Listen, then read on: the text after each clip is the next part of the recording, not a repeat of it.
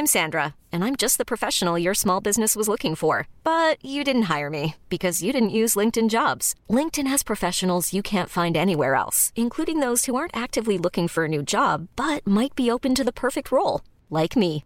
In a given month, over 70% of LinkedIn users don't visit other leading job sites. So if you're not looking on LinkedIn, you'll miss out on great candidates like Sandra. Start hiring professionals like a professional. Post your free job on linkedin.com/achieve slash achieve today. Hey, it's Ryan Reynolds, and I'm here with Keith, co star of my upcoming film, If, only in theaters, May 17th. Do you want to tell people the big news?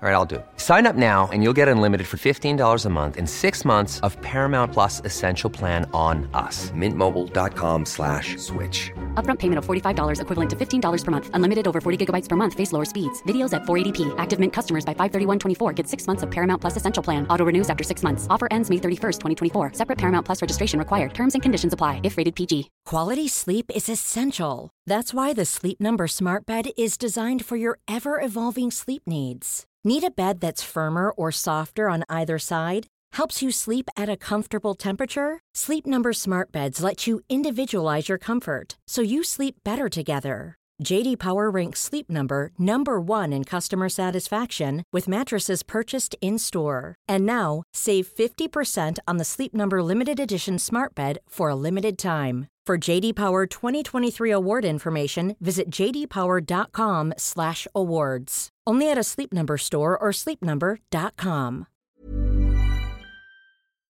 Vi är denna vecka sponsrade av Indie Beauty. Och Sofie, det här tycker jag är extra fint och extra roligt. Ja men Indie Beauty är ju ett skönhetsvarumärke som jag tror att väldigt många känner till, men det jag älskar mest det är att Indie Beauty liksom vill vara mer än bara produkter, vilket de ju också är. Exakt. Indie Beauty står ju för Independent Beauty, skönhet på dina villkor och för din egen skull. Och Indie Beauty tror ju stenhårt på ett alternativt skönhetsideal fritt från måsten, skam och känslor av otillräcklighet. Där är jag helt med Indie Beauty. Jag med. Det är så jag vill att skönhet ska vara. Ja men verkligen. Och vet du vad som är nytt för i år Sofie? Berätta. Från och med i år så skänker Indie Beauty 1% av sin försäljning till Suicide Zero, Tjejzonen och Djurens Rätt. Så när man handlar produkter från Indie Beauty så kan man liksom känna att man också ger tillbaka till samhället. Ja, kraften i tillsammans. Ska jag säga en sak nu då, mm. som jag, det, men det är detta jag är extra glad över. Nu har Indie Beauty tagit fram en keps och den tycker jag ändå så, på sommaren, skydda sig från solen. Jättebra, jag älskar kepsen. Men det bästa, de bidrar till Suicide Zeros viktiga arbete för att minska antalet självmord och självmordsförsök. Så, för varje såld keps så går hela vinsten, 100 kronor, direkt till Suicide Zero. Då kan man liksom göra nytta både för samhället och sin hud på en och samma gång. Ja, och kepsen kostar 169 men alltså hela vinsten går då som sagt till Suicide Zero. Mm. Så om man vill göra skillnad när man är där ute i solen, nu när den börjar titta fram, då ska man välja den här kepsen. Den säljs exklusivt på indiebeauty.se och på Apotea. Tillsammans kan vi skapa en ljusare framtid. Vi ses med kepsarna på. Tack Indie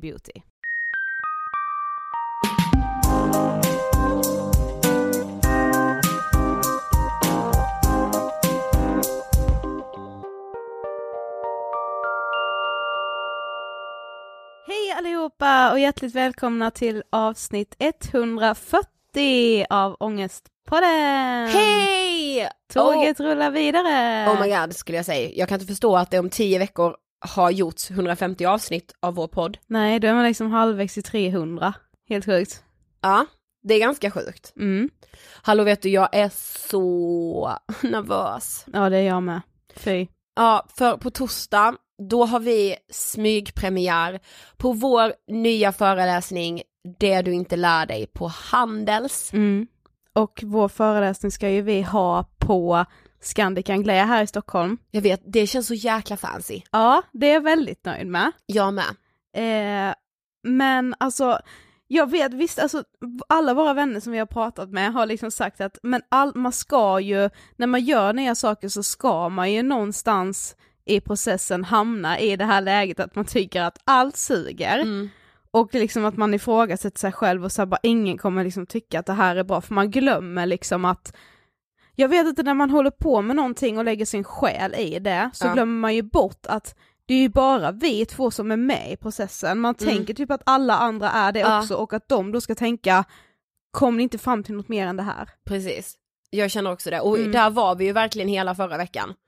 Och det sjuka är att när det här släpps, den här dagen, det är då vi ska ha smygpremiären! Mm. Och jag mår fan skit, alltså jag är så jäkla nervös.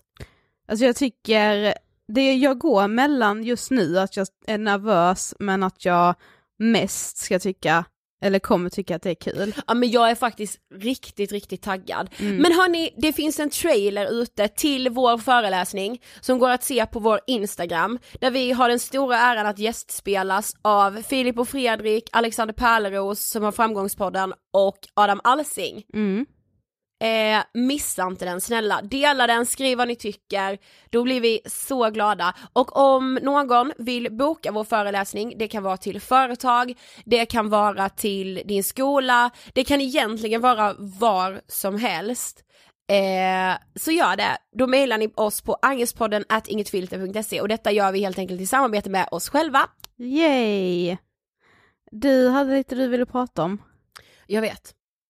Det är en sak som jag har funderat på Mm. senaste veckan när det kommer till sociala medier. Nämligen så här, alltså du vet, har man ett ansvar själv av hur påverkad man blir?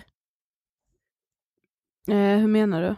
Nej men jag menar så här, alltså, säg att man följer någon som man tycker så här. Eh, Nej men jag, jag klarar inte av detta för jag känner mig så dålig och jag känner mig så ful. Mm. Då har jag alltid själv tyckt så att då ska man bara avfölja och så här för det är så jobbigt. Men du vet, har man ett ansvar då att själv så här kanske Alltså inte, det är klart man inte ska ha kvar och följa någon som man mår så av, Mm. men när man ser de där bilderna, har man ett ansvar då att säga bara vadå jag är lika bra, även om inte jag har den där eh, outfiten värd 200 000, jag är lika bra ändå, alltså så här, att inte låta det påverka en, eller, Ja. ska, eller så här, fattar du vad jag menar? Ja alltså jag känner typ så här inför hela den grejen, jag hade för ett tag sedan så körde jag en sån ride när jag verkligen avföljde väldigt många och började följa eh, typ mycket så här kroppspositiva konton och så här för att jag kände själv att jag blev väldigt påverkad av just så här, ja men eh, hetsen kring eh, liksom med normerna, Ja. hur man ska se ut och så. Eh, men målet är väl ändå att man ska kunna följa alla konton i hela världen och ändå känna att man duger. Mm. Det ska ju ändå vara målet. Jag vet, men sen så här, jag blir ju så kluven till det för det, Mm. så här, nej ja, det finns vissa personer jag absolut inte skulle kunna följa för jag blir påverkad i, så här, inte påverkad kan jag ändå inte säga för jag ändrar inte mitt liv Nej. men jag får en dålig känsla och ångest av att så här, hur de äter, hur de tränar, vad de har på sig, alltså allting så här, och inte så för att det är fult eller fel utan för att jag känner mig så misslyckad när jag Mm. ser det. Mm. Men du känner ju att du, ditt liv inte duger liksom. Ja och absolut, alltså så hela jag duger inte liksom. Mm. då blir jag ju såklart påverkad men du vet så här, jag vet inte om jag har ändrat mitt liv men nu, nu sen när vi säger det så här så tänker jag att jag har inte gjort så här drastiska ändringar på grund av något instagramkonto eller någon person just jag har följt. Det måste ju vara ett ihopkok och sen så helt plötsligt så står man på gymmet åtta gånger i veckan nästan för att man så här bara eh, tror att det är ens egen vilja men egentligen handlar det bara om att försöka passa in i mallen liksom. Mm. Ja men man har ju typ peri- eller jag har det i alla fall, så har perioden jag märker att jag blir väldigt mycket mer påverkad än vad jag gör i vissa andra perioder. Och jag kan inte svara på så här ifall det är något speciellt som har hänt de perioderna när jag verkligen blir jättepåverkad. Men det har ändå, så här, jag har också en spaning, Mhm. eh, och det har alltså, absolut inte med detta att göra men kanske ändå lite. Eh, för det känns som att på senaste tiden, alltså typ så här, de senaste två veckorna, så har vi liksom, ja men vi har varit på lite mingel och lite releaser hit, alltså så här, vi har liksom träffat mycket folk. Mm. Och det känns som att väldigt många på senaste tiden, jag vet inte om du har reagerat på detta, men många har sagt till oss bara, ja men nu har ni ändå haft ångest på den så länge, har ni kommit fram till vad man ska göra för att inte få ångest då?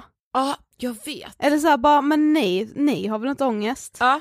Ni har ju haft ångest på den så länge, ni ska väl ha alla recepten för Ja som att vi skulle ha, ja jag vet, vi har fått det från jättemånga, Ja. som att vi skulle ha något så här kvitto då på att så här, så här gör ni för att inte ha ångest, det handlar inte den här podden om. Nej, Jag har blivit lite förnärmad faktiskt. Jag Ja, men- här, men vadå det är inte det det handlar om. nej. Vadå inte ha ångest? Absolut inte, jag Nej. har skitmycket ångest. Och det handlar om att folk kommer alltid ha ångest. Sen Ja. ska man absolut sträva mot att, alltså det är helt sjukt hur vanligt det är och hur mycket det ökar, främst- bland liksom unga.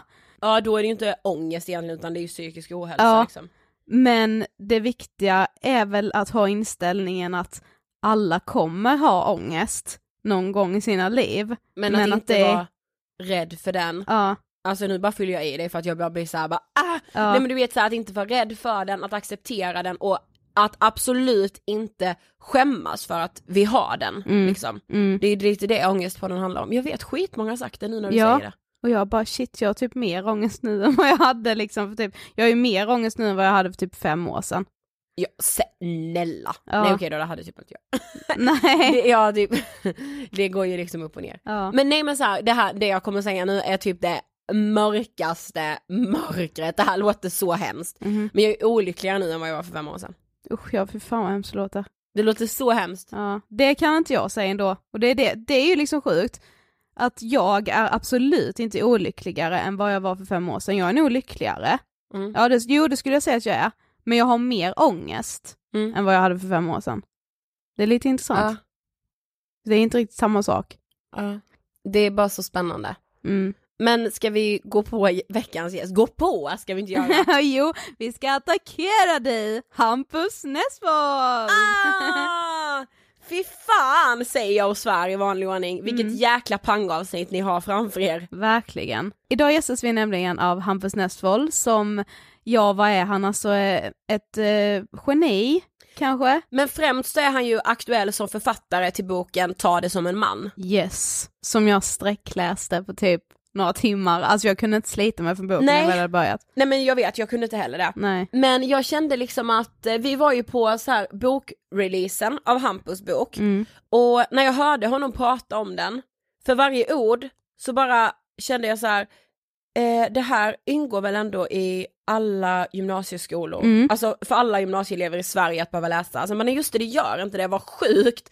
Men Mm. jag tror absolut att den kommer göra det. Mm. Ja men jag tycker också att boken, för er som inte vet så har Hampus alltså skrivit en bok som handlar väldigt mycket om så här. den är liksom lite som Ångestpodden, han lyfter egentligen på så mycket frågor som nog är jätteviktigt för så här unga killar att läsa, som känner liksom hur de inte kanske passar in i den här typiska mansrollen, säger jag nu med citationstecken verkligen. Men Hampus sitter ju inte heller på några svar, han delar ju bara med sig egentligen av sin egna resa och tar hjälp av lite andra och så i boken. Och det är liksom sådana som Hampus och som oss, säger jag nu, som liksom behövs, för vi lyfter liksom på det ämnet som man har varit så rädd för att prata om just för att svaren kanske inte riktigt finns. Precis. Men det behöver inte göra att man inte ska prata om de frågorna. Nej och jag tycker så här, det är verkligen inte bara unga killar som bör läsa boken, unga tjejer också. Ja absolut. Eh, sen pratar vi ju mycket om eh, vem Hampus var liksom i skolan och när han växte upp, eh, men mycket om könsnormerna och vad är det egentligen att vara man? Ja och lite så här, vad, vad är könsnormerna egentligen? För det kan jag med börja ställa mig frågan. Alltså så här, Ja.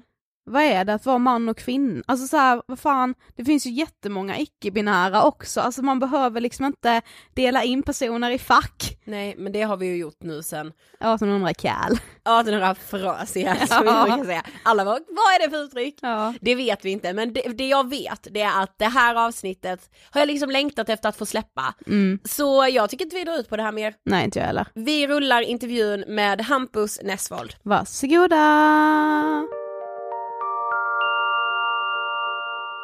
Hej Hampus och välkommen till Ångestpodden! Tack snälla, vad kul att vara här. Jag Ja. bara ler. Jag med. Jag Äntligen, känner jag. överlycklig. jag känner mig nästan överlycklig för att du är här, alltså ärligt. Men bara nästan.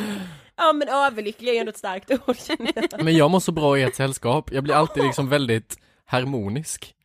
Det är typ det finaste man kan säga. ja. Är det det? Ja. Vissa kan ju ta det som att man blir liksom lite tråkig, men jag menar inte alls så. Nej, jag menar verkligen nej. att jag blir bara lugn och mår väldigt bra. Vad Om bra. jag mår bra i ditt sällskap också. Jag med. Det känns som att det känns svårt att vi spelar in, nu har vi suttit och pratat en stund innan. Så nu, bara, nu ska man gå in i en slags bra, konkret roll. ja exakt.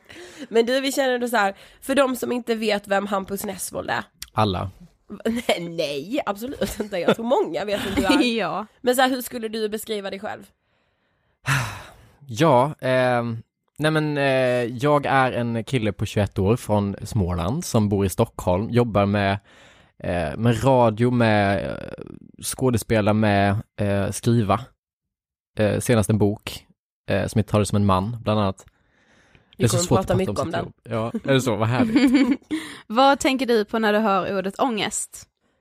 Eh, jag tänker, alltså jag drar det till mig själv direkt såklart och Mm. tänker på, på min ångest som är eh, ständigt närvarande tror jag. Och som konstigt nog är någonting jag inte pratar så mycket om längre. Jag har propagerat väldigt mycket, jag har gjort tv-serier om psykisk ohälsa, liksom stått väldigt mycket för att man ska prata om hur man mår, bla bla. Ja. Men jag märkte att ångesten är så närvarande för mig att jag kan inte prata om den hela tiden för att då blir det som att jag aldrig skulle prata om något annat. Ja. Ja, du, så kan jag med känna, trots att jag ändå pratar om det hela tiden. Ja. Eftersom vi jobbar så mycket med det. Men jag kan känna så här, jag kan inte prata om min egen ångest hela tiden. För Nej. då skulle jag bli helt knäpp. För jag känner den hela tiden. Så då kan jag typ inte prata om den hela tiden. Är det så du menar också? Ja men är det svårt för er som jobbar med ett koncept som heter Ångestpodden och liksom Ja. hela liksom föreläser på Hemnet och sådär. Är det svårt för er att i privata livet, om man ska säga, att prata om hur ni mår med folk? Nej, Nej, det skulle jag inte säga. Det har ju typ blivit enklare bara för att jag har ångest på den. För innan Ja. pratade jag ju aldrig om känslor och sånt. Men ni känner inte att ni har tagit en roll att ni ska vara så här jätteförstående, jättelätt att prata och därför blir det inte jättelätt att prata? Ibland i vissa sammanhang kan jag nog känna så. Faktiskt. Att man ska vara lite stabil och veta hur man mår dåligt och hur Ja. man blir bättre? Ja men du Ja. har ju med, alltså kan inte du med känna det ändå? Alltså jag menar för du har ju med väldigt så här, ja men väldigt så här gått ut och sagt att så här, man ska våga prata om hur man mår, vem man är, hela den. Kan du känna så också? Ja, det det är exakt så jag känner. Ja. Att det är så här jättesvårt för mig att i, i vanliga livet liksom med Mm. kompisar berätta hur jag mår. Jag har ju några nära som jag liksom pratar med. Mm. Men jag har också en tendens att lite så här på ett humoristiskt sätt säga det eller ha någon slags kantig ton i när jag Ja. berättar det för att jag inte vågar säga Ja. hur kanske sårbar jag är i en situation. Mm. För att jag vågar inte lämna ut mig riktigt så. Ja, jag är lite svag att visa mig svag alltså. Och det kanske är så här, på tal om boken man släppt, liksom att man är, att man är kille och jag, då kanske man tror att jag är jättemjuk, har jättelätt prata känslor och allt sådär, men alltså jag är ganska kantig alltså när jag väl ska prata om hur jag mår. Mm. Andra mår kan jag möta jätteväl, men just jag själv så är det som att jag lägger fram det som att, ah, Spännande. Ja. Vi kommer komma in mer på det. mm, Jo men som sagt boken, ja. som man älskar, Mm. måste jag säga. jag men läste den verkligen. alltså i ett svep. Och vet du vad jag känner också Hampus? Att den är så viktig. Alltså är det en handbok för alla unga, alltså unga som gamla men verkligen så här, den är så viktig. Jag blir så glad. Ja men Alltså, du ska verkligen. veta att den, nu är det så va? Den är så viktig. Den är verkligen det. Tack. Men hur skulle du, nej men så här, berätta om boken, hur beskriver du den? Ah, det där är också så jäkla svårt för den är en sån komplex bok tycker jag. Jag har sagt någon gång nu i intervju att det är som en käftsmäll och kram i samma bok. Att jag vill liksom så här slå till killar att så här bli medvetna, se era privilegier, handla utifrån dem. Samtidigt som jag vill liksom bara omfamna, bara vi kan närma oss varandra, vi kan kramas, vi kan liksom förenas i ett slags ångestbefriande möte, att vi inte behöver hålla upp en kall fasad mot varandra. Mm. Ehm, för det är väl precis vad jag vill liksom. Jag vill liksom göra killar medvetna eh, och liksom få dem att ta ansvar i och med det att säga, okej, killar är faktiskt de som begår majoriteten våld eh, i det här samhället. Vad beror det på? Ja, kanske att vi inte kan prata, visa känslor och då måste det uttrycka sig på andra sätt. Mm. Och man måste börja prata om, i och med att det är bara killar i princip som begår våldsbrott och liksom misshandlar, våldtar och så vidare, då måste man också börja prata om det som ett manligt problem. Så att även om jag är en kille själv som inte våldtar, så har jag fortfarande en slags kollektiv skuld som jag delar i att manligheten är som den är och där måste jag ta ett ansvar i att liksom förändra den och prata med andra killar och sådär. Så det är ju en del av boken. Och sen så är en del av boken då att jag bara vill säga, kom och prata. Mm. Nu är det mysigt, nu har vi gått. För att det har liksom inte alltid varit så att killar kan prata på det sättet. Och det är inte så att jag predikar i den här boken i 150 sidor, utan det är snarare så att jag berättar mina upplevelser så får folk känna igen sig och dra parallellerna själv. Mm. Ja, Men Jag vill liksom inte jag komma att- med svar, jag vill bara väcka fler frågetecken. Ja, ja. och det tror jag så många kan göra med. Alltså jag kunde se eh, ganska många killkompisar i dig när jag läste boken Ah. liksom. Verkligen, vi satt och pratade om det igår. Vi Ja. bara, det där och det där, ja men det är han. Alltså så här, Ja. jättemycket. Det så här grejer som är lite douchiga då, liksom typiskt killiga, eller typ så här mjuka? Både och. Både och ja, Ah. verkligen både och. Ja, Alltså mer mönster liksom. ja precis. Men alltså berätta lite om titeln, den heter alltså Ta det som en man. Ja. Vad, varför valde du att döpa den till det och så här, vad betyder den titeln för dig? Alltså det var så svårt att komma på en titel till den här boken, jag höll på så länge. Jag hade allt från så här eh, killen som inte klarade bögtestet. Har ni Mm. talat om bögtestet? När man Ja. så här suddgummar på handen tills det blöder. Ja just Precis. det. Ja, Ja. som en grej av macho liksom. Alltså det är så jävla sjukt. Så jävla konstig grej. Ja. Eh, men det klingar liksom inte det förklarar inte boken tillräckligt bra och så försökte jag liksom komma på någon annan så här parallell vad killar ofta får höra eller liksom inte alla män eller det var också en titel men det var också otydligt och sen så bara kom jag på det att ta det som en man för att det är ju någonting som man som man fått höra eller som liksom slängs emellan när det är liksom situationer som uppstår när man kanske är känslomässigt engagerad eller liksom blir eh, skör och sårbar att man inte ska liksom agera att man börjar gråta eller liksom är lite svag utan bara ta det som en man, Mm. steppa upp lite, var lite liksom, var inte så jävla känslig. Mm. Och det känns som en så bra titel på liksom, jag svarar inte på frågan liksom hur man tar det som en man i boken precis, jag tar inte ens upp titeln. Utan det är mer liksom ett samlingsnamn för allt jag säger, att så tar jag det som en man typ. Precis. Alltså inte alls. jag tar det högt och lågt. Mm. Men det är så sjukt, alltså det uttrycket så här. Att man har hört det så mycket, ja men ta det som en man. Aldrig, alltså, så här, aldrig, aldrig har man ju hört ta det som en kvinna. Nej. Nej. Ja, vad innebär det i så fall liksom? Ja, Ja, precis. precis. För det skulle väl i så fall innebära att man tar det genom att börja gråta och inte klara av någonting. Alltså Ja. det är så samhället ser på det. Liksom. Ja. Jättesjukt. Mm. Ja men det är verkligen det, jag tror många kan, många killar har nog, alltså nästan alla killar har nog hört det någon gång. Ja, ja gud ja. Men ingen vet ju, om man skulle nöta ner liksom, vad innebär det att ta det som en man? Då är det ingen som, alltså man kan ju inte svara på det. Nej, att då inte skulle man nog få att- väldigt olika svar. Ja, Mm. verkligen. det tror jag med. Jo men grejen är, vi har så här lite en favoritfråga i Ångestpodden, förutom så här, vad tänker du på när du hör ordet ångest? Och det är så här, vem var Hampus 15 år? Oj. 15 år är liksom, det känns som att så mycket händer då. Ja, Därför gud ja. är det så spännande. Men vad är man då? Då går man sista året på högstadiet typ, eller vad är det? Ja, precis. och, ja, åtta, nian. Mm. Oj, ja det är ingen kul tid. Nej. Nej men då, det, ja, högstadiet, då var jag sjukt stökig. Väldigt nevrotisk, väldigt liksom all over. Kunde liksom vara i, i ett klassrum och skrika liksom eh, idiot till en lärare, sen så gå ut och liksom med killarna som umgicks med då liksom så här äga korridoren. Mm. Um, och sen är nästa som sitter ensam med någon tjej någonstans och pratar liksom ganska ömt. Så att jag var sjukt vilse eh, och jag kommer ihåg att jag liksom, jag skriver i boken också att så här varenda dag nästan inför en ny dag i skolan så var det som att jag tänkte bara att imorgon, då ska jag skärpa mig, vara lugn, vara den jag vill vara, bara vara mig själv. Och så kommer man till skolan och så bara faller det direkt för att man möter en klasskamrat som har jargong liksom. För att man fick ju sin, man får ju sina roller liksom i grupper och det är väldigt svårt att bryta dem om man väl har fått den. Vilken Speciellt i roll hade du då? Nej men jag hade nog den här stökig kille, clownen liksom. Mm. Eh, fast på ett jävligt taskigt sätt upplevde jag. Ehm, och i den mådde jag skitdåligt för att jag visste hur jag egentligen var. Jag hade liksom, min mormor är och var min bästa vän.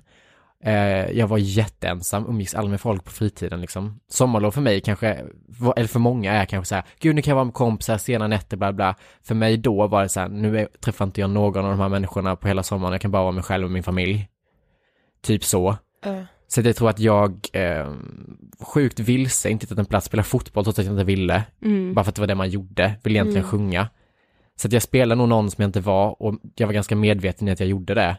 Och kontrasten då att vara den personen som var ganska stökig, som inte alls kunde identifiera mig med i skolan, sen komma hem och vara en lugn och liksom öm kille, Uh. var liksom ganska jobbig. Och jag kände mig alltid falsk, liksom. Jag tänkte alltid mina föräldrar skäms om de skulle veta hur jag är och mina kompisar skulle tycka att jag är skitmesig om de fick veta hur jag är hemma och, och de två världarna kunde liksom aldrig mötas.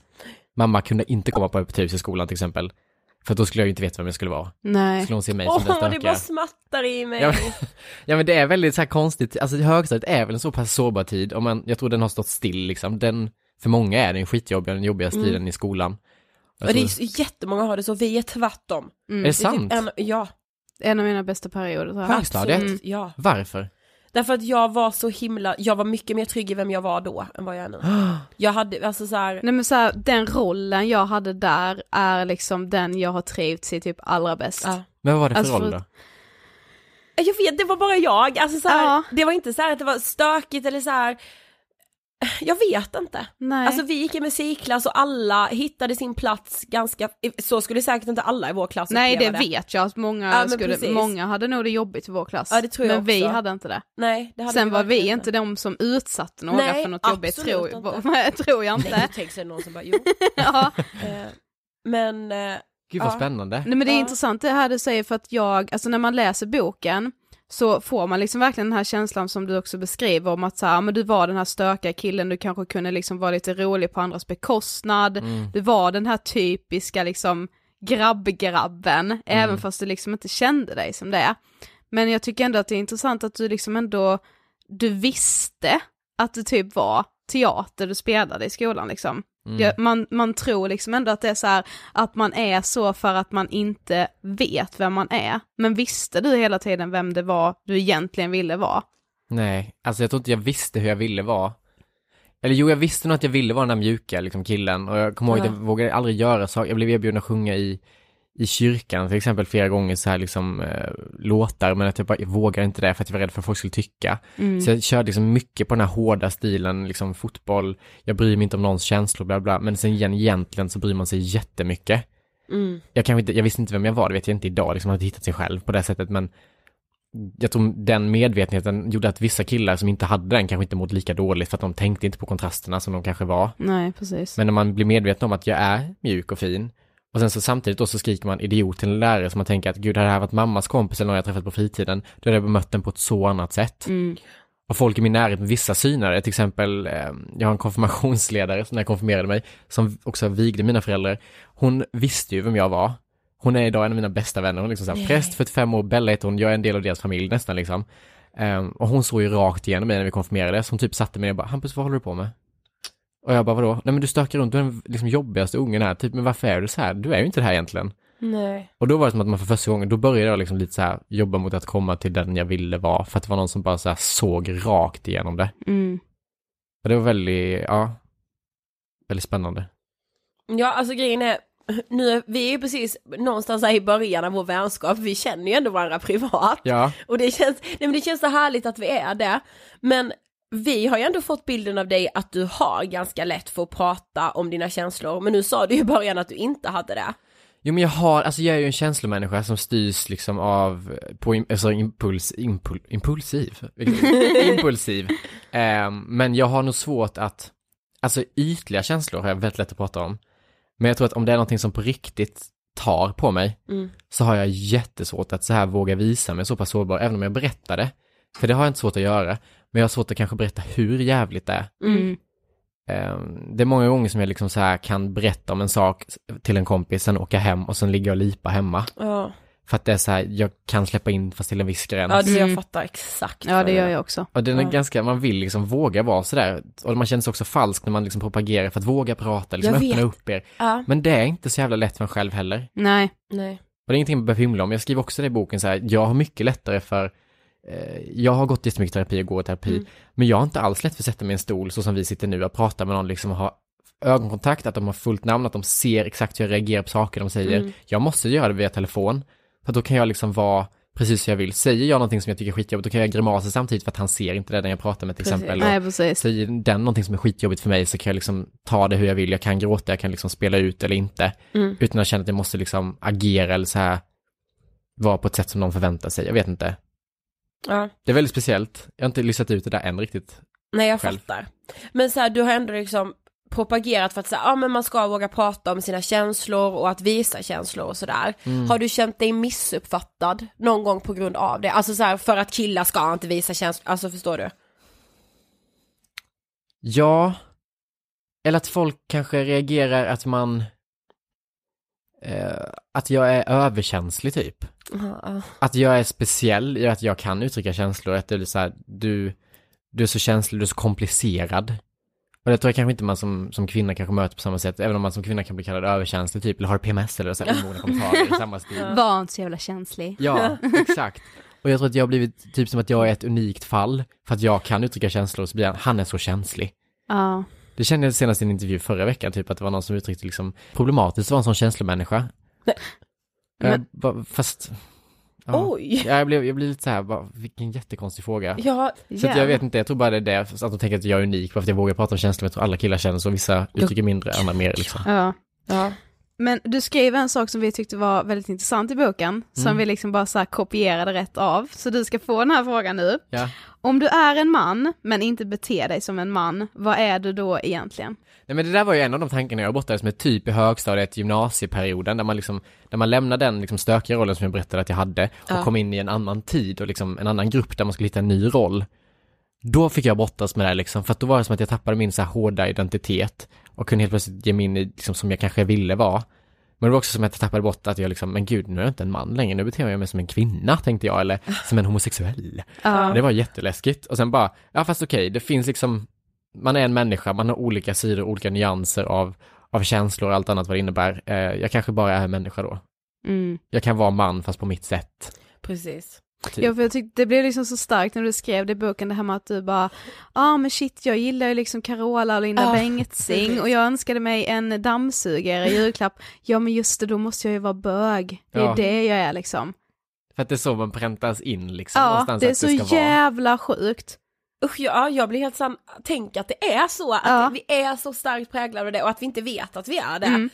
Men För inte det en- spännande än idag också, för jag kan säga så här att min, eh, att jag tänkte så då, det förstärks bara ännu mer idag av att så här, nu bor vi liksom och jobbar och verkar liksom i Stockholms medvetna feministbransch. Precis. Mm. Men även här så bemöts jag alltid av att folk tror att jag är gay. Och jag tycker det är ganska kul, jag spelar ganska mycket på det också. Ja. Men det är så kul att det är liksom impulsen för att jag kanske uttrycker mig väldigt mycket, är på ett liksom ganska långt ifrån hur stereotypa mannen ska vara. Och även de liksom medvetna feminister liksom som bor i Stockholms innerstad och jobbar med media bemöter en på det sättet. Ja. Det är inte, jag blir inte kränkt, jag tycker det är kul. Ja. Men jag tror att det säger ändå någonting, att det är deras fördom för att en man inte är som en man brukar vara. Precis. Det är lite ja, fascinerande. verkligen. Men hur, Det- alltså kan du bara mär- eller är det så här då att de säger det liksom att, Ja. ah, men, Nej men han måste vara bög. Eller gud, jag trodde han var bög. Alltså det är liksom väldigt mycket den. ja. Och det tycker jag är väldigt kul, alltså liksom att... Han måste vara. Ja.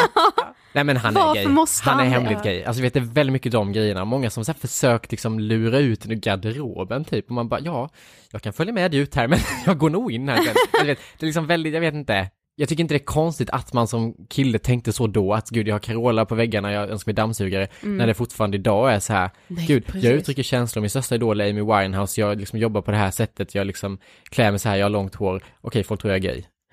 Jag tycker bara det är väldigt liksom spännande Ja, tanke, varför ja, det men det är sjukt spännande. Det är jättespännande. Och så här, det, är väldigt, det hade varit väldigt kul att veta hur många fler män som också gillar Amy Wine- Winehouse och de här typiska böga sakerna Ja. då som det verkar vara tydligen. Eller hur? Som inte vågar uttrycka det för att deras största rädsla är typ att bli kallad gay Ja. när de inte Ja. är det. Ja för det, det är det som är så kul, för att man säger ju att han är gay liksom som att eller man säger det högstadiet också, fan vad bögigt eller liksom Ja. Han är bög som, alltså det är så långt ifrån den stereotypa mannen som man ska vara, då är man Precis. bög, så tar Ja. man avstånd från det. Mm. Och där kanske folk i, generellt sett då blir kränkta liksom när man blir kallad bög om man är straight och sådär. Ehm, och därför inte uttrycker sig, liksom håller sig till sin roll. Men jag blir inte kränkt, jag tycker det är skit, jag spelar ju som jag säger ganska mycket på det här att Ja. ingen vet riktigt. Precis. Men har du så här någon gång frågat någon som liksom har påstått att du är gay eller så här, så har du frågat varifrån de har fått den synen? Ja, och då är det väl, om du har tjejkompisar, du har långt hår, du jobbar på det här, du är väldigt så här uttrycksfull i hur du pratar, hur du är och bla bla. Jag tycker bara det är så, när personerna då rabblar upp de grejerna så är det som att de ofta hör liksom hur jävla dumt det låter. Ja. Man bara, ja okej, så då, då är man gay. Precis. Ja men gud jag vet inte själv, alltså så här. Nu har jag nog aldrig tänkt det om just dig, men så här, jag vet inte själv hur djupt rotat det sitter i mig. Jag Nej. tror att jag också skulle Ja. kunna tänka det om eh, män som uttrycker, har lätt för att uttrycka sina känslor eller bara alltså så här, Mm. absolut. Mm. Men det är jävligt intressant. Men liksom verkligen. jag, jag har ju själv sagt, ja men han måste vara gay. ja. Det har jag det ju har jag med gjort. Eller, Alltså, typ, alltså, eller typ den här bara, alltså titta på honom. Alltså jag vet, är han, vad Ja. tror du? Man bara, men fråga! Ja, alltså, eller så vad håller du på att spela? Alltså, Vad spelar det för roll? ja. Men jag också, jag är så jätteofta om jag ser någon på klubb som dansar på ett visst sätt, som klär sig på ett visst sätt eller som liksom är ovanligt social, trevlig framåt eller någonting, då kan jag Ja. också säga, han måste vara gay. Man bara, fast varför då? Alltså det är ingenting som måste tala för det. Och samma Nej. sak, det är ganska kul, för att en tidigare, en flickvän jag hade tidigare, var också så här typ, ehm, alltså du har så mycket tjejkompisar, du måste vara gay. Och hon var en tjej som spelar fotboll, som bara hade så här killkompisar, jag bara, fast vänd på det. Ja, Varför Ja. är det, det är inte konstigt att du har massa killkompisar och spelar fotboll, men att jag sjunger och massa tjejkompisar, då ska jag helt plötsligt vara gay. ja. ja precis. Det är väldigt Fast konstigt. ofta när tjejer har massa killkompisar så bara, "Ah, men hon ligger ju med dem. Ja, e- ja, Ja, blir det det blir liksom lite den? den. ja. Ja. Mm. Nej men så här, en annan sak med i boken, nu bara hoppar vi mellan ämnena men det finns Ja, så mycket kör. vi vill prata om men det är det som är problemet. Eh, ett ämne som vi tyckte det var så jäkla viktigt att du berörde också och som vi tror är ett jätteproblem som vi ska prata mer om i podden framöver men som vi kan smygstarta med lite med dig. Det är att du skriver ju lite om porr i boken. Ja, Om sexdebut och mäns kanske skeva syn på sex Mm. tack vare porr. mm. Berätta lite mer om det. Nej men jag tror att det är ett ämne som folk går runt liksom idag. gud ja. För att det är så jobbigt att prata om. Mm. Folk tycker det är svinjobbigt att prata om sex, men också porr, då vill man inte ens liksom vidröra Nej precis, man bara Ja. nu tysta hörni! Men jag har aldrig tittat på porr. Åh, och jag, har, alltså jag, blir så, jag blir så trött på det för att man också pratar så mycket, det är mycket preta, liksom pretentiösa debattartiklar i, i diverse tidningar liksom, där det står att killar ska inte kolla på porr, det ger en skev syn. Mm. Och så blir de liksom jätte, liksom och bekräftade av andra feminister här kanske. Men når de till killarna, liksom, som kollar på porr? Nej, de kommer inte sluta kolla på porr för att liksom Magdalena, 45 år, säger att det inte är bra i en Nej. debattartikel. Precis. Man måste ju bemöta så här, okej killar kollar på porr. Mm. Jag som kille då, jag skriver inte i boken så här, du ska inte kolla på porr för att ge en skev kvinnosyn. Jag kollar också på porr, kollar på porr, det är klart, alltså det gör ju alla någon gång. Mm. Och jag tror att man måste bara liksom börja tänka och på samma sätt som man är källkritisk till reklam måste du också vara jävligt källkritisk liksom till, till porren på det sättet att så här, Ja. vad är det jag tittar på? Vad gör det här med mig? Är det här bra? Liksom vill jag vara så här, vill jag titta på det här? Är det här något jag vill stödja? Och bara säga emot sig själv och rannsaka. Mm. Ja. Och jag tror att jag märkte jättemycket de perioder när jag liksom tittade som mest på porr för att man ville lära sig om sex. Ja. För att det är också någonting i samhället, så här, man kan inte bara be killar sluta kolla på porr för att det enda sättet det finns att så här lära sig om sex. Mm. För att i skolan pratar vi fortfarande om konsekvenser av sex. Liksom. Du Ja, kan bli vi- med barn, du kan få gonorré. Ja och vi liksom lite så här pratade om det igår, men så här just om man nu liksom den lilla sexualkunskapen man har, ja det är så här hela den här hur man typ trär på en kondom Ja. kanske och Ah. just hur man bara använder orden, bara penetration, alltså så Ja. här, vad fan, Säg alltså, knulla för Ja, ja men lite så. Ja men använd de orden som man gör ute i samhället, Ja, liksom men ute i det riktiga Som unga livet. människor använder. Ja. Alltså Alltså, att det ens blir prata om samtycke ofta, det gjorde inte vi i alla Nej, fall. Nej, inte vi heller. Nej, inte vi Det är heller. så Nej. jävla konstigt. Och vi hade, vår biologi, om man ska gå in på det, vår biologilektion i högstadiet, när jag tänker efter nu, var så jävla sjuk. Dels så trädde vår lärare på kondomer på så här stora jävla ekorvar som ser ut som hästpenisar. och då sitter ju alla killar och bara, va? Är det här? Ska man ha det där mellan benen? Det har inte jag. Eh, och sen, typ på en annan lektion, så fick han en sån här gammal jävla overhead-apparat. Ja, ja, ja. Då rullar han fram den och så har han alltså printat ut så här kukar med samma massa eh, könssjukdomar på, så vi skulle se hur det ser ut med en kuk som har gonorré till exempel, och hur knottrigt det är och liksom hur infekterat det blir och sådär. Och sen Ja. fick man se en blygdläpp samtidigt, man bara, vad fan ger det här oss? Ja? Kolla på gonorrépenisar på lektionen, liksom, kan vi inte prata om bara sex och hur man gör? Och Ja liksom, men exakt. Är det väldigt skevt och det är ju också att då finns ju bara ett, alltså för tjejer finns kanske fler sätt att ta reda på saker om sex. Det finns massa magasin, det finns liksom eh, spalter man kan läsa. Ja. Men som kille finns ju inte liksom magasin som pratar om relationer på det sättet liksom. Nej absolut. Det finns bara sporttidningar eller liksom motortidningar och då blir ju enda sättet porr. Mm. Ja. Och jag tror där måste man liksom lyfta det ännu mer då, okej vad kan vi börja prata om det liksom? Och det vill jag göra i boken, att jag har kollat på porr till exempel och Ja. så här har jag påverkats av det. Jag blev jätteskev, inte att jag liksom började slå tjejer jag låg med liksom under sexakten, utan mer att, så här, att det blev inte så jävla härligt. Nej. Man hade någon slags förvrängd bild av hur sex skulle vara som Mm, inte One size fits all seems like a good idea for clothes until you try them on. Same goes for healthcare. That's why United Healthcare offers flexible, budget friendly coverage for medical, vision, dental, and more. Learn more at uh1.com. Planning for your next trip? Elevate your travel style with Quince. Quince has all the jet setting essentials you'll want for your next getaway, like European linen, premium luggage options, buttery soft Italian leather bags, and so much more. And is all priced at 50 to 80% less than similar brands. Plus, Quince only works with factories that use safe and ethical manufacturing practices.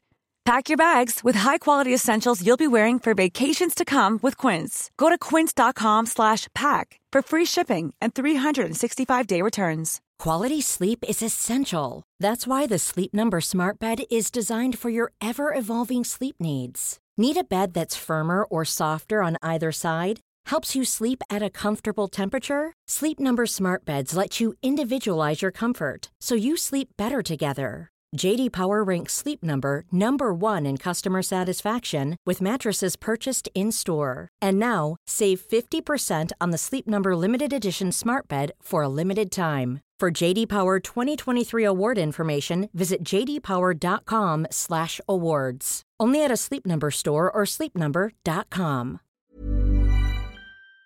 allt stämmer. Mm. Och så blir man lite besviken, gick knappt igång på situationen väl där. Nej. Och det är så jävla synd.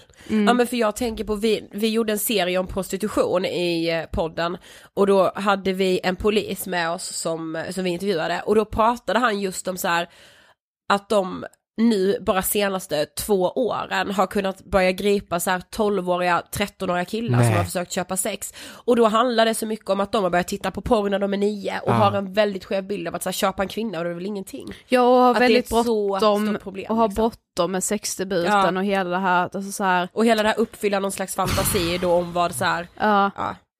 Det där är så jävla konstigt. Ja. och det är också så det är konstigt, så alltså, för att jag bara tänker på, för nu, nu gör man ju mycket promotion kring boken och sådär. Mm. Och då var, eh, häng ut lite här, Kamratposten, en jättefin tidning i landet som man har Mm. Ja. läst i sin barndom och tycker jättemycket om. Ja. precis. Då tror jag att vi hade bokat en intervju, så har de läst boken och så nej.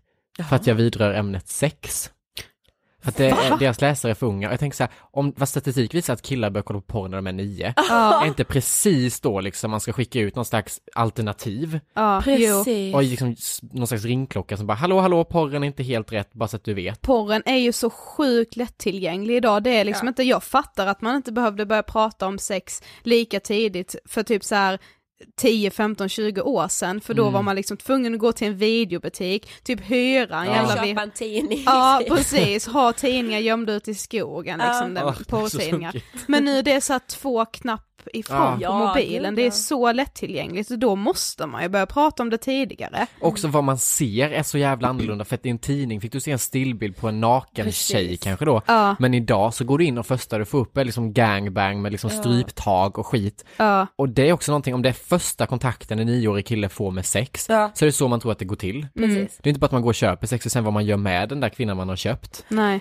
Åh, Det är liksom Gud. helt, jag blir helt liksom kallsvettig när jag tänker på Ja. det. Precis. Och därför är det så jävla bra att du skriver om det. Ja För verkligen. man har inte Ja. sett det innan, det är ju typ ingen som har gjort det. Nej. Speciellt inte en kille heller. Nej, Men jag vet, och då är det så synd till exempel när Kamratposten inte kan, Nej, det kan vill lyfta en sån sak för att de tänker helt fel, de går fortfarande runt det för att det är ett svårt ämne att ta i. Men man måste inse fakta, alltså alla är intresserade av sex och liksom Ja. i ung ålder och liksom, jag vet inte. Ja det är då det är så, som mest nytt och spännande. Ja, Ja. men precis, precis. Och som man behöver flest liksom att prata om. Ja, Ja. Man undrar så mycket och det är så här, ja. ja det gör man väl fortfarande. Men... Ja, undrar man mycket. sökande, det är man ju. Nej men, eh, varför tror du att killar har så svårt att söka hjälp för sitt psykiska mående? Men jag tror att det kanske landar i det här att man, man som kille ska vara eh, självständig, stark och ha ganska mycket svar själv. Man förväntas liksom ha det i den könsrollen som vi i det här samhället har. Mm. Och då blir det mycket svårare, steget att söka hjälp är inte lika lätt för då måste man erkänna att gud jag har inte svaren, jag är faktiskt svagare än vad jag har tänkt mig. Mm. Och då så tror man, eller man tror att det är svagt att söka hjälp men det är det inte, det är väldigt starkt att våga liksom, men man tänker något inte är det. Och då blir det jättestort steg, och man tampar säkert skitlänge, jag tror inte bara söka hjälp är svårare, jag tror att det är svårt att prata med någon nära. För då ska man Ja. visa sig svag inför den. Precis. Det tycker jag själv, som jag sa, är jättejobbigt. Ja. Eh, så jag tror att det bottnar kanske mycket det. Jag har inte något svar på det, men jag tror det och jag har inte haft så svårt för, för just att söka hjälp. Nej. Jag har haft lättare för det, tror jag. För att det har varit lättare att prata med någon som inte har någon koppling till mig än att prata med mina kompisar. Ja, Så var jag under hela gymnasiet, gick jag liksom på BUP. Och det var mycket lättare att liksom ventilera allt där och sen så i alla andra rum så var jag liksom ganska så här trygg, lugn, säker. Den som folk kanske pratade med, men som jag inte gav någonting tillbaka. mm. Mm. Så, så den processen var ganska lång för mig, att så kunna öppna upp mig för mina kompisar och visa mig svag liksom och jag tycker fortfarande det är skitjobbigt att gråta inför folk alltså. Det ja kanske men är så det tycker jag grej. också. Ja, det är pissjobbigt. Ja, det är skitjobbigt. Jag, Jag tyckte liksom det var lite jobbigt igår när jag började gråta här när vi poddade. Ja. Bara, Ja. helvete. Men vad är det Ska jag börja då? prata med den här grötiga rösten, jag har avsky den bara när man är så. Men det är väldigt vackert när någon gråter, man älskar ju när någon annan gråter. Ja, ja men jag har inte alls svårt för det, tror jag inte. Inte Nej. alls. Alltså det är väl klart att jag är mer bekväm av att sitta så här när jag inte gråter. Ja. Och det skulle hända någonting med mig om jag började gråta nu. Men nej, jag kan inte säga att jag tycker att det är jättejobbigt. Nej, tycker jag inte. Men jag vet, jag vet, vad tror du det beror på Sofie? För jag vet inte om det är att jag typ är rädd för situationen som uppstår om jag skulle börja gråta, att jag gör människor runt om mig nervösa. Kommer du ihåg typ i skolan, det här är det, det, det, den människan hatar man ju. Någon börjar gråta i klassrummet och direkt är det någon jävla, liksom Lisa eller Katarina som liksom bara Gumman! Och så bara springer fram med öppna armar och så sitter man själv liksom helt så här, jaha, nu var inte jag lika fin som henne som Ah, var fram ah. på två sekunder bara älskar och klappar rygg liksom, och så här, hon mår bra nu. Och tittar på oss liksom.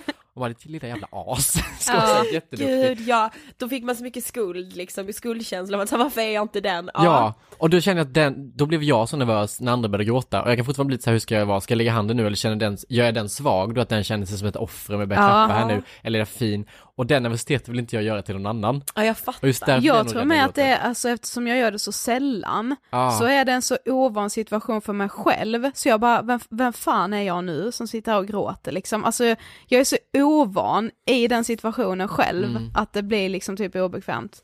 Ja. Jag vet, alltså. Men ja. är du van att vara den starka i sån situation? Om någon annan gråter, är du van att vara jämte då, liksom klappa rygg och trösta? Så Nej, du jag är rätt dålig på att klappa rygg med. Ja, men jag, men för, det, jag gråter ju inför dig hela tiden. Ja, liksom. men jag jag hade fått klappar inte dig. panik om du hade kommit Ja. fram och börjat klappa på min rygg. Ja. Så här, det hade jag fått panik. För att då Ja. känner du lite liksom, Nej inte nog det, men jag tycker bara så här, jag tycker bara det är så skönt att gråta. För mig är det något slags så här att släppa på känslor och Ja. så här, få ut saker. Jag vill inte ha så mycket, jag vill inte ha någon motprestation från dem jag gråter inför. nej. Det räcker med att de är där, prata med mig bara liksom. Men just därför gråter jag, jag gråter också jättemycket, jag gråter kanske tre gånger i veckan. Ja. Men jag gråter bara när jag är själv, för att jag vill inte exakt det, jag vill liksom kunna det är samma sak, jag, jag tränar, jag tränar inte alls i och för sig, men om jag hade tränat, jag hade tränat inför folk eller på ett gym där det cirkulerar människor, jag hade nog tränat mitt i natten eller mitt på dagen när det inte är så mycket människor, för att jag vill bara kunna vara. Precis. Och för mig är det samma sak, typ när jag gråter, det är som ett träningspass, för efteråt är jag så lättad och Ja. har liksom fått ut allt och jag brukar ju krysta fram det, jag har liksom en spellista som heter Heartbreak Songs, som jag sätter på,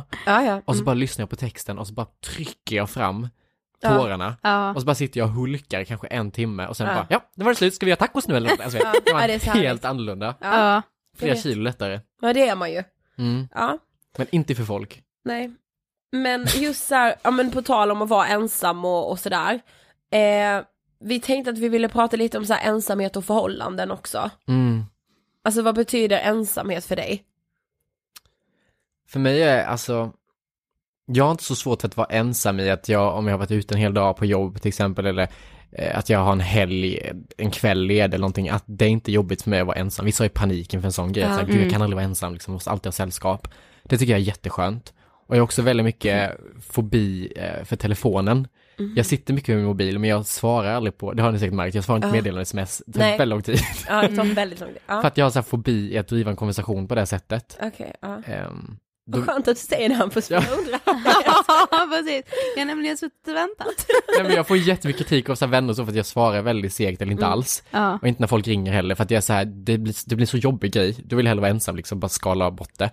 Ehm, så att för mig, det, där är jag liksom ganska trygg. För mig ligger liksom, och är ensamhet, och det jag är rädd för med ensamhet, att det ska bli ofrivilligt ensamhet, att jag inte har någon att höra av mig till. Mm. För där, att jag är ensam en kväll, det är en frivillig ensamhet, alltså då har jag valt den. Men att det inte skulle vara så för att jag valt, utan att det är så för att jag har inget alternativ. Mm. Den är det jag är så jävla rädd för och därför har jag varit i ganska många förhållanden för att då slipper man den känslan konstant. Mm. Ehm, Jag tyckte det var väldigt, ett väldigt spännande, en spännande del i boken. Mm. ja, Ehm, som jag också aldrig har liksom eh, hört en kille berätta om. Ja, men man pratar så himla sällan om, alltså det blir ju typ alltid så att man har liksom vissa tjejkompisar som man ständigt har just den här förhållande, liksom Tinder, killar konversationen med.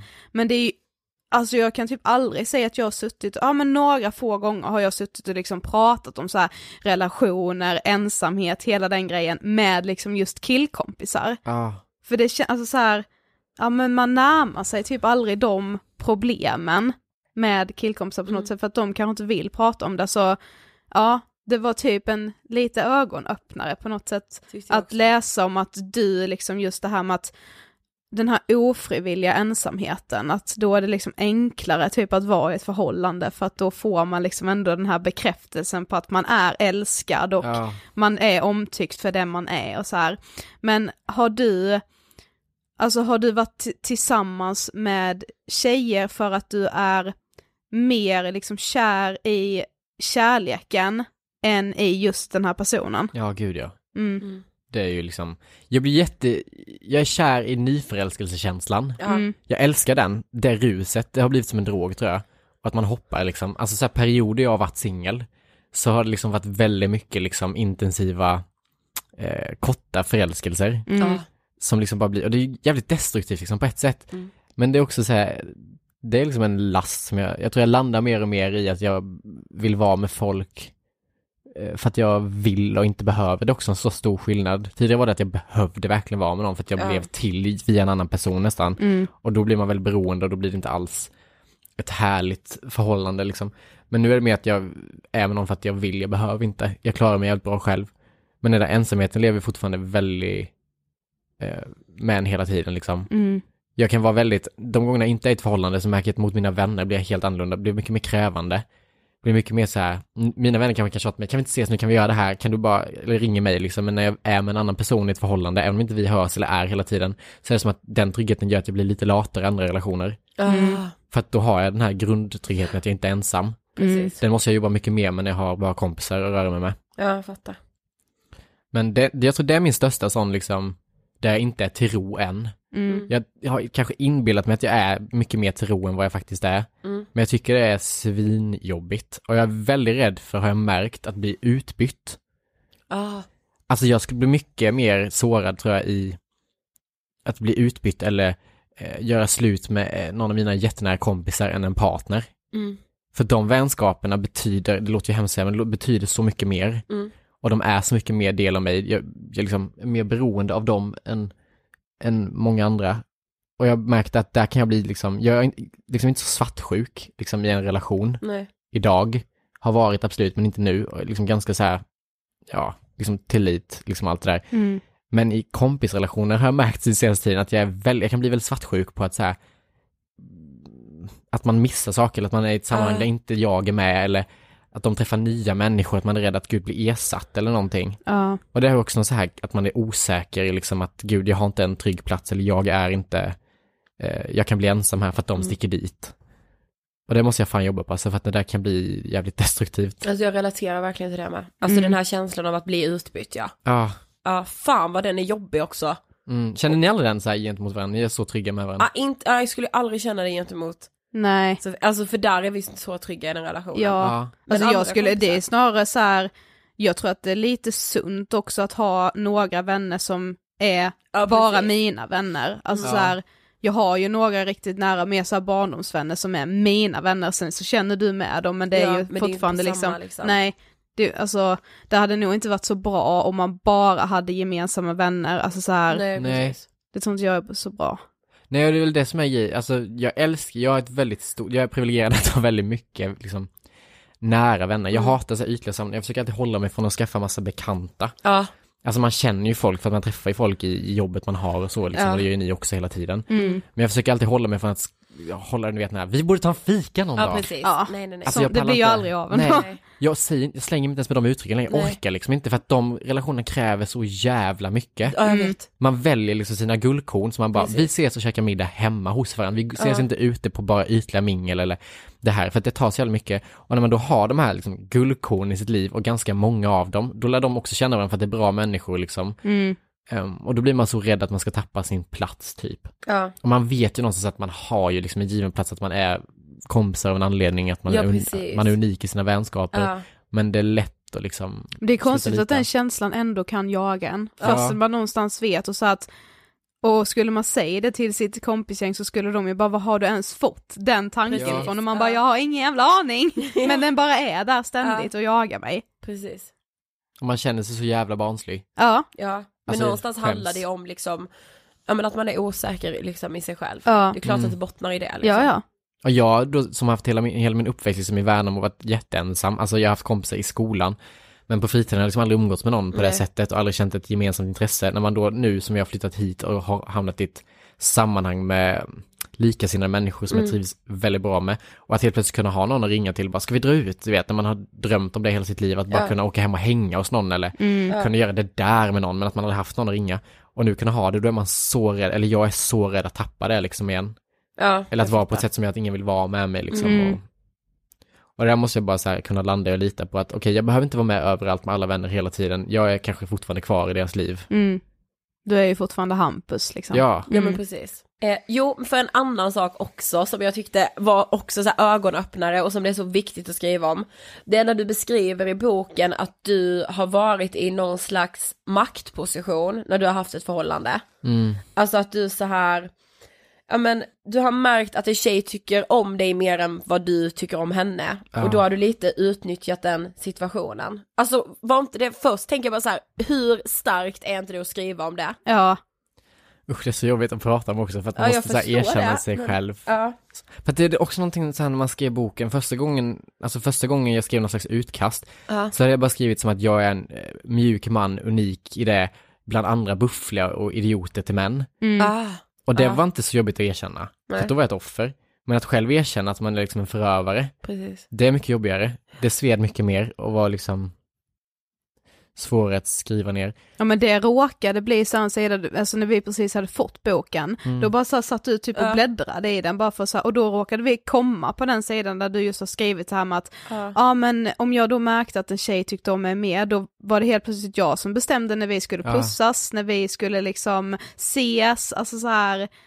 Ja det, det blev så jävla, vi bara fan vad bra att han Ja. skriver det. Vi bara oh my god! Men det här är så på riktigt och så här, för det är ju verkligen det. Ja, Alltså om, det, alltså om du bara hade skrivit så här, så vet jag att det finns killar som är, då tänker man så här, ja det finns Nej, det. Men Bra ingen vill ge- det. Men när du, alltså att skriva det så här, jag har också varit den här killen, Ja. alltså det är så jävla starkt, alltså jag måste verkligen bara så här, Ja. all eloge. och vi har ju pratat lite om, och kommer också prata mer om det i podden, Mm. just det här eh, lite maktspelet och att vi tror verkligen att det finns några skillnader mellan män och kvinnor, hur man typ ser på förhållanden, hur man liksom ger sig in i förhållanden och sånt. Och då blev det så här, det blev som ännu ett kvitto för oss Mm. när vi redan har pratat så mycket om det, Ah.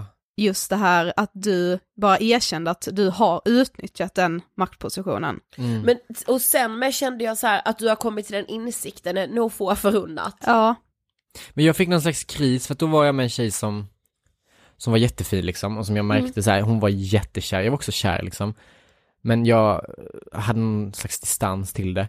Och jag var väldigt, väldigt svartsjuk. Alltså, på den tiden, det var några år sedan nu, så var jag sjukt svartsjuk. Alltså det var liksom på en nivå där jag, jag visste att det var fel att ställa frågor. Eller så här, lägga sig i, ska du där på dig? Fan vad kort kjol. Alltså vet, den typen av saker som man bara ska ge fan i. mm.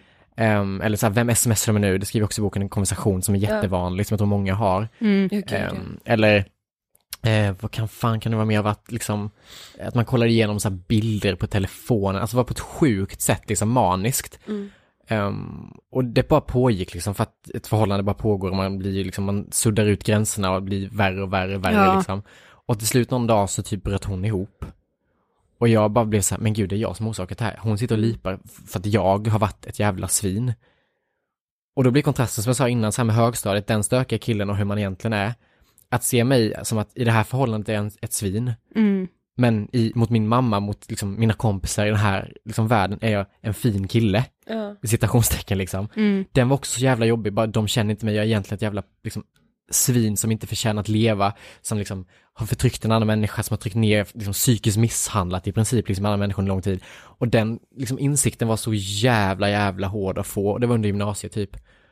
Och jag kommer ihåg att jag så här ringde min bästa vän i panik och bara så här erkände allt för att jag ville liksom skämma, jag liksom sa vilket jävla as jag hade varit. Mm. Bara för att få liksom känna skam och jag började gå i terapi bara för de här liksom grejerna. Då gick jag liksom på BUP men jag började gå en annan, liksom, hos en annan terapeut bara för de här liksom, sakerna. Bara, vad är det i mig som är på det här sjuka sättet? Ehm, och ganska snabbt fick jag liksom bukt på det. Ehm, och började känna att jag kunde liksom lita på en annan människa, att det var liksom min osäkerhet och liksom, jag fick liksom lite svar som gjorde mig trygg. Ja. Men i och med det så har jag också fått vara på båda sidorna för att efter det har jag varit så jävla rädd att nyttja den där maktpositionen igen Mm, i förhållande. Så att jag har liksom backat för många steg så att jag har blivit utnyttjad själv. Ja, Att jag har fått stå till svars för, varför lägger jag upp en bild på henne? precis. Eller, eh, fan vad ni umgås hela jävla tiden, varför är du hemma så här sent? Och jag då ursäktar för att jag är så rädd att jag är övertramp eller att någon annan ska må dåligt på grund av mig så att jag bara, nej förlåt jag ska komma hem tidigare nästa gång eller jag tar bort bilden direkt eller du vet, man bara tillfredsställer en annans behov. Ja. Och då gör man våld på sig själv och så mår man skitdåligt och blir begränsad. Ja. Och det där märker jag nu liksom i så här förhållanden man har nu också att jag är så här. Jag vågar knappt säga min åsikt, det är lite så skada nu att här, vad tycker du? Tycker du jag ska köpa den här vita blusen eller ska jag köpa den i svart? Jag bara, nej men bestäm själv. Ja men jag vill ha en åsikt, nej men jag vill inte säga, för att jag är så rädd att begränsa eller påverka en annan människa. Ja. Fattar. Och det där är en balans, man måste kunna ha en Ja. åsikt liksom, men jag vill, jag vill så lite tillbaka till den människan där man var liksom i förhållande då, ganska ung. Mm. Ja. Liksom, jag är så rädd förbi den igen så att jag backar lite för långt tror jag idag.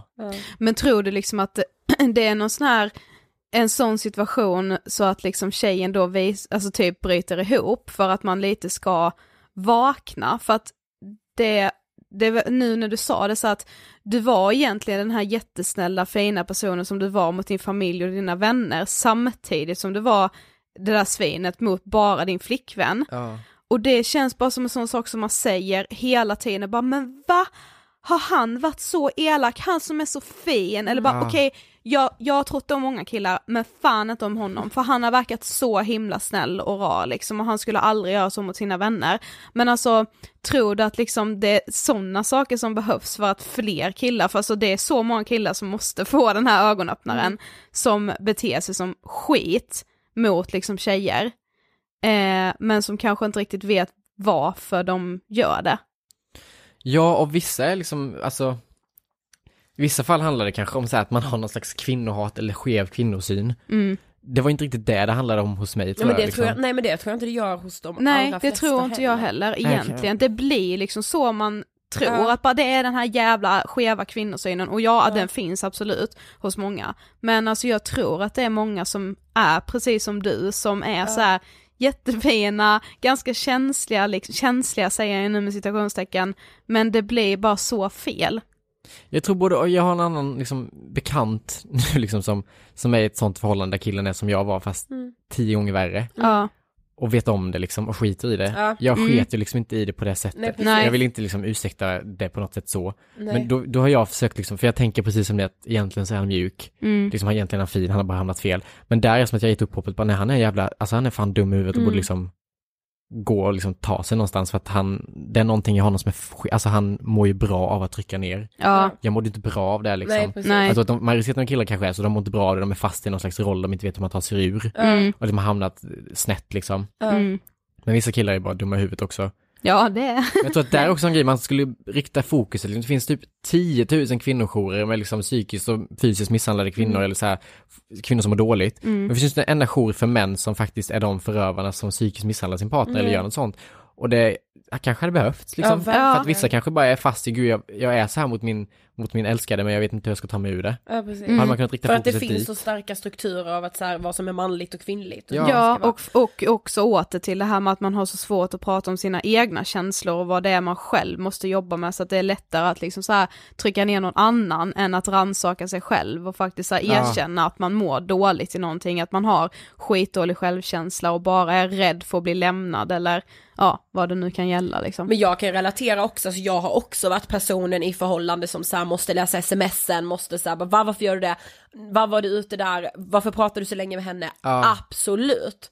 För att jag har varit så otroligt svartsjuk. Mm. Och också så rädd för att bli utbytt och lämnad någonstans. Så det relaterar jag till jättemycket. Och hela det här försöka skuldbelägga den andra då. Att Ja. så här, jo men du, du har visst det gjort fel, kolla på mig, det är så jävla synd om mig för att du har smsat med, eller så här liksom. Och sen är det typ ingenting ändå. Man bara, och den här, bara, ja partnern är och duschar och jag bara sitter och scrollar smsen i panik liksom.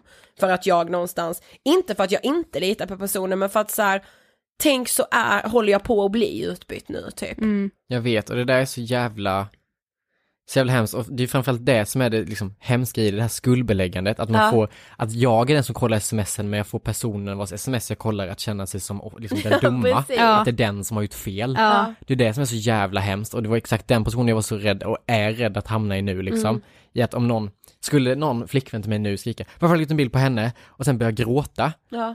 Då hade jag mått skit och bara, men gud, jag är en idiot, jag la ut en bild på en annan tjej. Ja, men- och så har jag, Ja. jag tagit bort och börjat ursäkta, men det är lika fel. Liksom. Ja.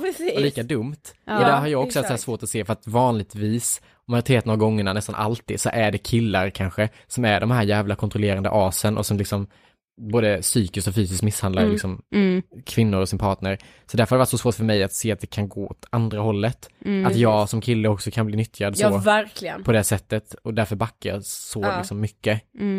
Mm. Ja. Alltså nu har ju inte jag en relation nu men alltså jag tror att det är verkligen någonting jag kommer få jobba så otroligt mycket med. Mm. Att inte vara den som ska försöka kontrollera allting för att jag är så jävla rädd liksom. Ah. För det känner jag att jag har varit i, i relationer jag har haft. Att jag verkligen säger jag måste ha koll på smsen. Jag går in i inkorgen på Facebook om jag sitter vid hans dator. För att jag bara, Men hur reagerar killen på sådana grejer? Alltså är han så mot dig också eller blir han så han bara köper det liksom att du är så? Alltså han köpte, alltså nu tänker jag liksom på så här, ja, men den längsta relationen jag har haft. Han Ja. köpte nog det ganska mycket, jag tror att jag fick honom att få dåligt samvete. Ja. Eh, faktiskt. Och det är så här, det kan jag, nu när jag säger det och tänker på det mår jag fan piss över det. Mm. Men så här, Rannsaka dig själv Ja precis, Ida, nej, men om jag för gör det, ja jag tror att han, alltså jag fick nog honom att få dåligt samvete och känna så här, nej men gud, jag älskar ju dig, det är dig jag ska vara med, precis Ja. som jag ville höra och så ja visst, ja ser du synd det om mig liksom. Verkligen. Ja. Och det är också så här ond spiral jag märkt i, alltså just relationer, att om man typ, en relation jag hade var så här, då var, då var tjejen så på mig liksom hela tiden, så som du säger att du var, Ja. på det sättet liksom, och jag fick dåligt samvete för det. Ja. Och samtidigt var det så här hela tiden, du tar aldrig min hand. Du gör aldrig det här. Ja. Varför pusslar du på mig? Och då var det som att jag fick dåligt samvete, gud jag är en så dålig pojkvän, jag tar aldrig Ja. hand om henne eller jag håller aldrig om henne, bla bla. Och sen nu efteråt som jag fattat så här, men vem fan vill hålla hand med någon som kontrollerar på det Ja, sättet? Det är inte så att jag vill ge någonting när jag inte Nej. får någonting. Nej. Det är ju först när man ger upp det liksom, som man liksom kan så här förenas och liksom så här på riktigt börja ge varandra Mm. och inte ta bara. Men det är kanske då också som man är i relationer där man faktiskt är mer kär i kärleken än är in i personen. Ja. För man mår ju inte bra av den personen som gör att man känner sig mycket mer kontrollerad än vad Nej. man gjorde innan. Mm. Ja, nu blir det relationssnack här. Men det är jättespännande Ja. och jag tycker det är så viktigt att du har med det i din bok också. Nu har Ja. jag sagt att din bok är viktig hundra gånger men den är verkligen det. Mm. Jag blir så glad. Och jag tror att det här perspektivet är någonting, förlaget till exempel som jag har, de vill inte att jag skulle skriva det här perspektivet, de önskar att jag skulle skriva, i kärlekskapitlet just, så vi önskar de att jag skulle skriva mer ur datingperspektivet. Okej. Att så här, för att det kan fler unga identifiera sig med, för att alla har inte en relation, har inte haft en lång relation liksom, utan söker det. Mm. Men jag tror att det, de typen av perspektiv finns så många av. Mm. Det är den här typen av perspektiv som jag har upplevt och som jag, precis som ni, upplever inte finns någon annan kille som har sagt det på det sättet, men som det kanske behövs någon som bara så här, säger högt och så kan andra killar bara, men gud jag är också sådär, och så blir det Ja. enklare att erkänna för att någon annan har erkänt det. Precis. Det är det som är min förhoppning. Mm. Verkligen, Även om det är skitjobbigt att erkänna för sig själv när man har varit ett jävla as. Ja. Ja, men ja, det var bara, det slog liksom mig nu, jag bara men gud jag har ju varit den som försöker kontrollera i ren panik Ja. liksom. Mm. Och den här killen har ju bara så här va- varit mig till lag, så jag tror att han många gånger kände så här att fan vilken dålig pojkvän jag är. Varför Mm. gör jag så här mot henne liksom? Eh, ja, verkligen. Vi har kommit till sista frågan nu faktiskt. Jag vill allt ska ta slut. Vad inspirerar dig? Gud, vilken svår fråga.